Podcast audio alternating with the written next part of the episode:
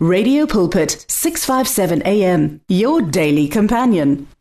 Sanibonani sanibonani eh balaleli emakhaya egameni lenkosi ethu Jesu Kristu waseNazaretha sibingelele kakhulu siphinde sibonge futhi ithuba esilinikeziwe iRadio Pulpit 657 AM egameni lenkosi ethu Jesu Kristu waseNazaretha. Uyabona ngabe bengisenkonzweni esontweni la esikhonza khona silaphana ke thina eArcadia ePretoria phakathi edrobheni 515 Johannes Ramkwase Street okanye 376 Steve Biko Road egameni lika Jesu mawufika nje lapho kuleyo center leyo ubuze nje uthi ufuna upastor Moyo we-CFA Christ Family assembly. Singena ngo9 ke ekseni thina every sunday egameni lenkosi ethu Jesu Kristo uyabona ngabe bengisenkonzweni namhlanje? Bengizothi mina akuyishayela izandla ukuthi na ukhona namhlanje egameni lenkosi ethu Jesu Kristo waseNazaretha. Awu kodwa nkosiyama ukodwa Jesu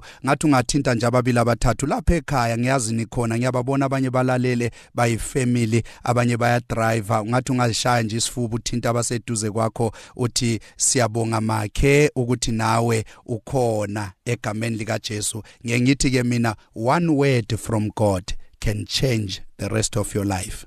Only one word from God. Only one word. That's why lithi iBhayibheli if you are willing and you are obedient you shall eat the goodness of the land. Uma nithanda futhi uma nifuna nilalela. Lithi iBhayibheli nodla okuhle kwezwe. Manje inkinga esinayo lamalanga abantu abafuni ukulalela. Uma uNkulunkulu ekhuluma bona barizina ngiyaba indlela. uNkulunkulu aka aka operate ngendlela ocabanga ngayo ukuthi uoperate ngayo. uNkulunkulu ngenye indlela. uNkulunkulu ngenye indlela kodwa uNkulunkulu uthando lwakhe luyamangaza. So njalo kuNkulunkulu mayekhuluma nawe ungazami ukurizina. That is why uthi uMaria ngelinye ilanga uthi whatever he says just do it. Kwakuphela iwine kukhuluma wesifazana uthi kubantu emphakathini. Uthi ngiyamazi lo amandla anawo.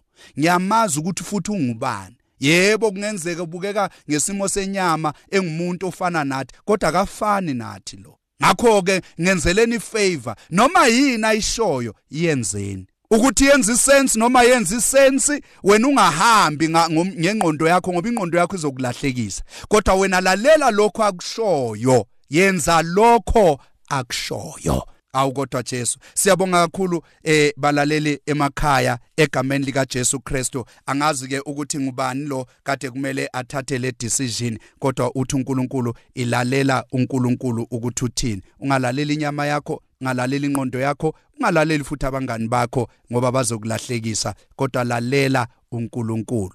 Uthi ohlabelelayo uyalalelwa uNkulunkulu. Noma isimo singavumi. Noma imizwa yethu ingahambisani nakho uthi kodwa uyalalelwa uNkulunkulu. Now namhlanje siyaqhubeka ke ngendaba yethu balalele emakhaya.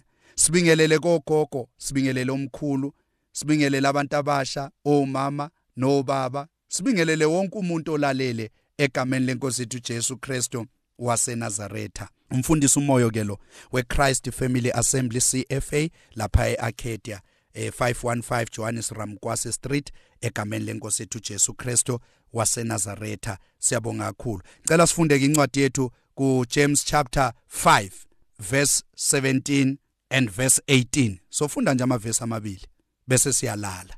uNkulunkulu akabusise ukufunda kwezwi lakhe. Now James chapter 5 uJakobe Jakobe chapter 5 verse 17 and verse 18 yeah lithi iBhayibheli uEliya wayengumuntu efana nathi mm Ngiyalithanda iBhayibheli. Yabona uJakobe ngendlela okubhalwe ngakhona uJakobe ngiyamthanda lo obhala obhalana. Uqala nje asuke nje asukela umuntu esimaziyo eBhayibhelini ukuthi wakuwumprofeti omkhulu. Kodwa uthi uEliya wayengumuntu efana nathi. Wayengumuntu efana nathi. In other words uthi umpostoli uPaul you don't have an excuse. Khona abantu abanama excuses empilweni. Bathi hawu labana baphumelele phela ngoba vele bona abazali babo babashiyela ama investment ngoba phela bona baqhamuka efamilini eyigwili. Ye Elijah wayengumuntu efana nathi. Yeka lokho kuaccumulate ngomunye umuntu. Ubheke lo ukuthi yena ukwenza kanjani kwenzeke efana nawe? Naye ephathwa ebuthongo naye edla uphuthu namasi njengawe kodwa uyaphumelela. uElijah wayengumuntu efana nami nawe. Kusho uPaul uthi ayikhona man Jacob ake sihlale phansi sibuke inyinto la. uElijah lo wayesenza imangaliso lithi iBhayibheli ngoba phela uElijah lo esikhuluma ngaye abantu bakithi kwakuyindoda enkulu le umprofeti omkhulu lo. Indoda e, e, eyaketula abaprofeti abawu850 850 400 were the prophets of Baal.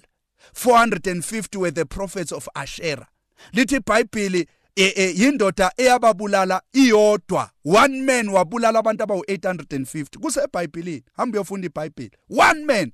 Usiyabona ukuthi le ndoda yindoda enamandla nzima kabi. uNkulunkulu wayemsebenzisa uElijah ngendlela exakile. Elijah kwakuyindoda le. Hayi kwakungayena umfana lo. Kwakuyindoda le. Ngoba phela kukhona abafana kodwa bebadala. Kube sekuba khona amadoda. Ngisho noma bengabafana uzongizwa ngelinye ilanga. Kodwa kube khona futhi amadoda ngoba semadala. Ya akhona amadoda. Na uElijah wayindoda ke le. Ya wayibambisisa lo. Wayilimela ivangeli. Kumnyama kubomvu. Athi kuphila kaJehova uNkulunkulu wami. Ya ngathi uNkulunkulu angasivusela amakholwa anjalo. Amakholwa azomthemba uNkulunkulu. Amakholwa azohamba ngamandla amangalisayo. Lamalanga amandla ebandleni aphelile. That is why abantu bephumela ngaphandle bayofuna usizo. Abantu they've got options. Kwenze njani ebandleni? Amandla avusa uJesu engakwazi ukuthi aoperate. It's because ibandla lisukile endaweni yomthandazo. uElijah one of his secrets kwakungumthandazo. Yayindoda eyayithandaza le. That is why umpostoli uPaul uElijah wayengumuntu efana nami nawe. In other words uElijah naye wayiguqa athandaze njengami nawe uElijah naye wayiphathwa indlala njengami nawe. Uthi uElijah naye wayiphathwa ibuthongo njengami nawe. Hayi nawe kunye sungazicabangela nje okuyisimo somuntu uElijah wayenjalo wayengayona ingilosi kodwa wayesenza izinto ezinkulu. Na uyaqhubeka ke lithi iBhayibheli nayi secret kaElijah. Uthi wakhuleka nokukhuleka ukuba lingani alinanga. Emhlabeni iminyaka emithathu nezinyanga eziyisithupha. Verse 18 lithi iBhayibheli wabuya futhi wakhule izulu lana nomhlaba wathela izithelo zawo. Mm, very powerful. uElijah verse 17 okanye uEliya wayengumuntu efana nathi wakhuleka nokukhuleka ukuba lingani alinanga emhlabeni iminyaka emithathu nezinyanga eziyisithupha. Verse 18 wabuye wakhuleka izulu lana nomhlaba wathela izithelo zawo. Usuyabona ke ukuthi isecret kaElijah kwakuyini? uElijah isecret yakhe yayingumthandazo. Umthandazo unamandla okuthi umuthandazile. Umthandazo uyakwazi ukusuka emzini wakho uye emsebenzini wakho la kunenkinga khona. Ufike ulungise umthandazo uthithivethe ulungise uphebeze konke wena ungakafiki uthi mawufika uthola umthandazo sewuqedile. Umthandazo uyakwazi ukugijima uye kwi-interview ngosuku ozo-interviewa ngalo. Uyokhuluma nabantu abazoba kuphanele interview uthi na ufika ubathole besimayila belindele wena. Umthandazo uyakwazi ukungenelela esimeni uthinta umuntu kade engakucabangi kade engakufisela okuhle kodwa athinteke athi kodwa inhliziyo embi ngikholwa ngithathapi angimsizi ngani nalo ngoba udinga usizo lwami. Hayibo wena ungacelanga ungakhulumanga naye. Umthandazo uyakwazi ukuyokhuluma nomuntu. Lalela umthandazo uyakwazi ukuthi abantwana bakho bethe shiqi ezidakamisweni bethe shiqi ezweni bethe shiqi bangena bajula e, e, e, otshwaleni nakuma drugs umthandazo uyakwazi ukubakhuza wena ungakhuzanga. Kodwa Jesu angazi noma bangizwa abantu umthandazo uyikho konke. Thandaze kukhona okwenzakalayo emkhathini. The moment uthi baba egameni lika Jesu izulu liyavuleka. Inkazimulo yehlela kuwe. Lithi iBhayibheli uElijah kwakuyindoda yomthandazo. Lithi iBhayibheli wakhuluma esemthandazweni wathi alingani. Wakhuluma nomkhathi wakhuluma nemvelo wathi alizukunetha izulu imvula izukunetha lithi iBhayibheli for 3 and a half years 3 years 6 months izulu alizange lana. And now ngifuna to understand ukuthi abantu basemandulo ngalesiya sikhathi babephila kakhulukazi ngeagriculture. Iagriculture was the only source not the only but was the major source of their their provision iagriculture. In other words babe ngabantu abalimayo babe ngabantu abafuyile. Babefuye kakhulu inkomo imbuzi izimvu.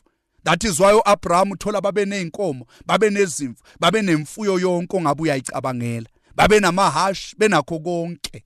So laba bantu babephila ngezilimo zasemasimini. Now you can imagine ke ukuthi for 3 and a half years kunganethanga ingananga imvula. Ukuthi umthandazo womuntu oyedwa waphazamisa economy yomhlaba wonke. Na ungathi ngiyayicabangela nje sengihleli nami Nkosi yami ngibuka isimo ngithi moyingcwele kulesi sikhathi esiphila kuso thina sesi digital in other words umhlaba sewu very advanced. So uma ngabe kwakuyilesi sikhathi sabo JSE sabo forex trading ngoba amazwe ibizwe nezwe liku forex trading nama companies amakhulu a under JSE are listed ku forex. Abenzi accounting ne finance bangizwa ukuthi ngithine economics ukuthi kahle kahle umthandazo womuntu oyedwa waphazamisa economy to an extent ukuthi baningi abantu abavala namabhizinisi ngaleso sikhathi ngoba umnotho washona phansi one man ngomthandazo wakhe wavala imvula wa affect emhlabeni. Wa-affect izilimo ngoba makungasanethanga lokho abakutshalile akusakwazi ukuphumela ngaphandle akusakwazi ukukhula abasakwazi uba nesivuno. Iy'lwane okanye iy'nyamazana imfuyo konke kwashabalala kwafa ngaleso sikhathi sika-3 years ngoba amanzi awasekho emadamini. Ihlahla zisakhipha amacembe asakhipha amahlamvu utshana busabi green utshana busakwazi ukuhluma ngoba umkhathi uvaliwe. Uvalwe ngibana uvalwanga ngusathane. Khuluma umuntu kaNkuluNkulu wathi angeke kunethe. Hey lalela ngithi mina unamandla okuvala izimo ezihlasela impilo yakho. Unamandla okuvimba abathakathi ukuthi bangangena emzini wakho.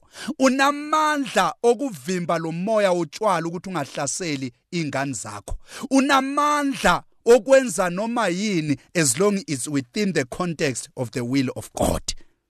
Unawo amandla okuvala izimo zezikolodo abanye nje usathana ukuhlasele ngezikolodo noma ungaphuma namhlanje esikolodini wena after 3 months or after 6 months uyaphindela futhi ngoba isikolodo kahle kahle wena ubona ama after effects ukuthi bathi uyakoloda kahle kahle isikolodo singumoya ende ngumoya wobumpofu umoya obuya kusathana kukhona isikolodo esiphilisayo. Khona ezinye izinto omzalwane ongeke uzithenge cash. Kodwa unless amandla akho evuma. Kodwa kukhona esinye isikolodo obona kahle ukuthi lo mzalwane se addicted sekungumoya lo. Uthe phuma manje Edgars next week uyaphindela futhi. Hayi mana ngazi noma abantu bayangizwa yini emakhaya. Ngoba kukhona ezinye izinto ezingumoya ezidinga ukuthi wena ume ngomthandazo uzivale. Uthi hayi la emzini wami. Moya omubi awukwazi ukungena la emzini wami. Poverty awukwazi ukungena. Umoya wobumpunga uma lento yahlula okhokho bami yahlula obaba bami ayikwazi ukuhlula nami. Moya kashukela awungeni emzini wami wena. Awusangeni ku generation eqala ngami yaphambili no nyala ngiyavimba unamandla okuvala. Hey umavumi izitha zakho ziyokuvalela endaweni zobumnyama unamandla wena. Namhlanje ngathi uNkulunkulu angasivusela abakholwa azovala. Athi baba siyala ngebandla lakho. Siyala ngomzimba kaKristu. Siyala ngomakoti webundlu.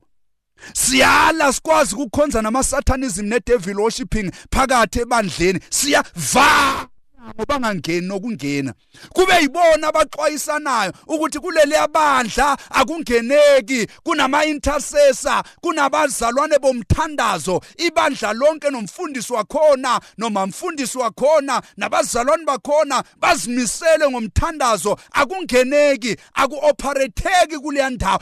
Vala ngomthandazo. Kwavala uElijah. 3 and a half years. Akuzange kwanetha vala leso simo sesiqoba ithambo sajwayela. Sivale namhlanje egameni lenkosi yethu Jesu. Now sengivala lithi iBhayibheli wabuye futhi wabuyela uElijah endaweni yakhe kualtar lakhe lomthandazo. Lithi iBhayibheli wavula wathi imvula inethe lithi iBhayibheli imvula yamlalela. Hey kodwa bazalwane ngathi singaba yilolo hlobo olukhuluma kanye isimo silalele. Lithi iBhayibheli ngelinye ilanga uJesu naye wakuwakhuluma besemkhumbini umkhumbi usucwila sewungena amanzi. Wathi omunye mayihlabelela wathi iyazika inqanawe. Lithi iBhayibheli ngaleso sikhathi kwase kune chaos kodwa umdala weinsuku ezilalele yena. uJesu eyilalele sesikebheni esemkhumbini. Beza kuye abafundi bakhe bephanika bephakathi kweconfusion. Bathi awunaki ngani? Awunandaba yini ukuthi siyafa? Awunandaba yini ukuthi siyabhubha? Lithi iBhayibheli yavuka kwabakanye ingadlangadla yakhuluma nomkhathi. Yakhuluma nesimo. Yakhalimela umoya ovunguzayo. Yathulisa ulwandle. Hayi bazalwane sinamandla. Kanti ngani lithi iBhayibheli uJoshua naye wake wakhuluma nelanga. Wathi langa kusukela namhlanje uzolalela mina. Namhlanje ngifuna ukunqoba empini yami. Wakhuluma nelanga ilanga lizange lanyakaza. Ilanga lama endaweni eyodwa waze wanqoba uJoshua. Bapha abazalwana bazokhuluma kanye besemthandazweni ba-rearrange izimo zabantwana babo.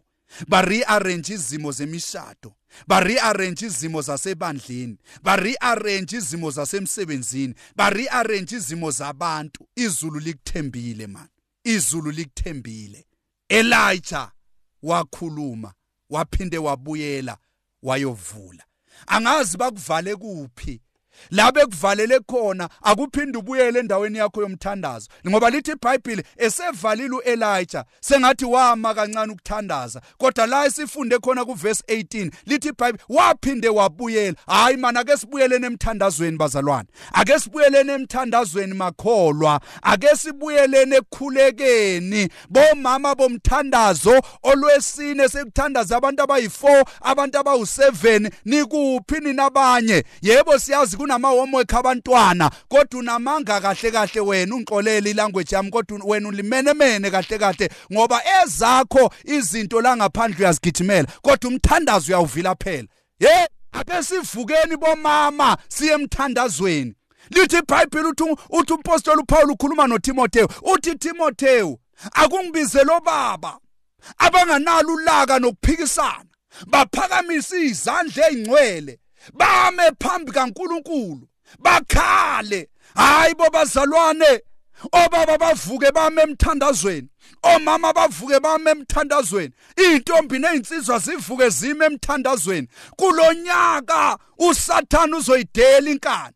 Athi mayingena eCFA athole siyathandaza athi mayithi uzama ungena eAssemblies of God athole nakhona bathi rikamosha riphayanokhosaya bayathandaza bathi babungcwele akekho njengawe. Bathi nabethi bayaphuma bathi bazama ukuhlasela ofaith mission bathola ukuthi ayikhona ibandla livukile lisemthandazweni liyathandaza. Lithi iBhayibheli uElijah wathandaza kwavuleka. Ngithi mina sizothandaza kuvuleke imisebenzi sizothandaza kuvuleka amapromotion sizothandaza abagulayo baphile sizothandaza ishosha iphakame sizothandaza impumputhe ivuleka amehlo sizothandaza okungenzeki kubantu kwenzeke. Ngiyabonga kakhulu balalele emakhaya egameni lenkosi ethu Jesu Kristu. Sengiyavala ngenxa yesikhathi. Ake siphinde futhi sihlanganyele.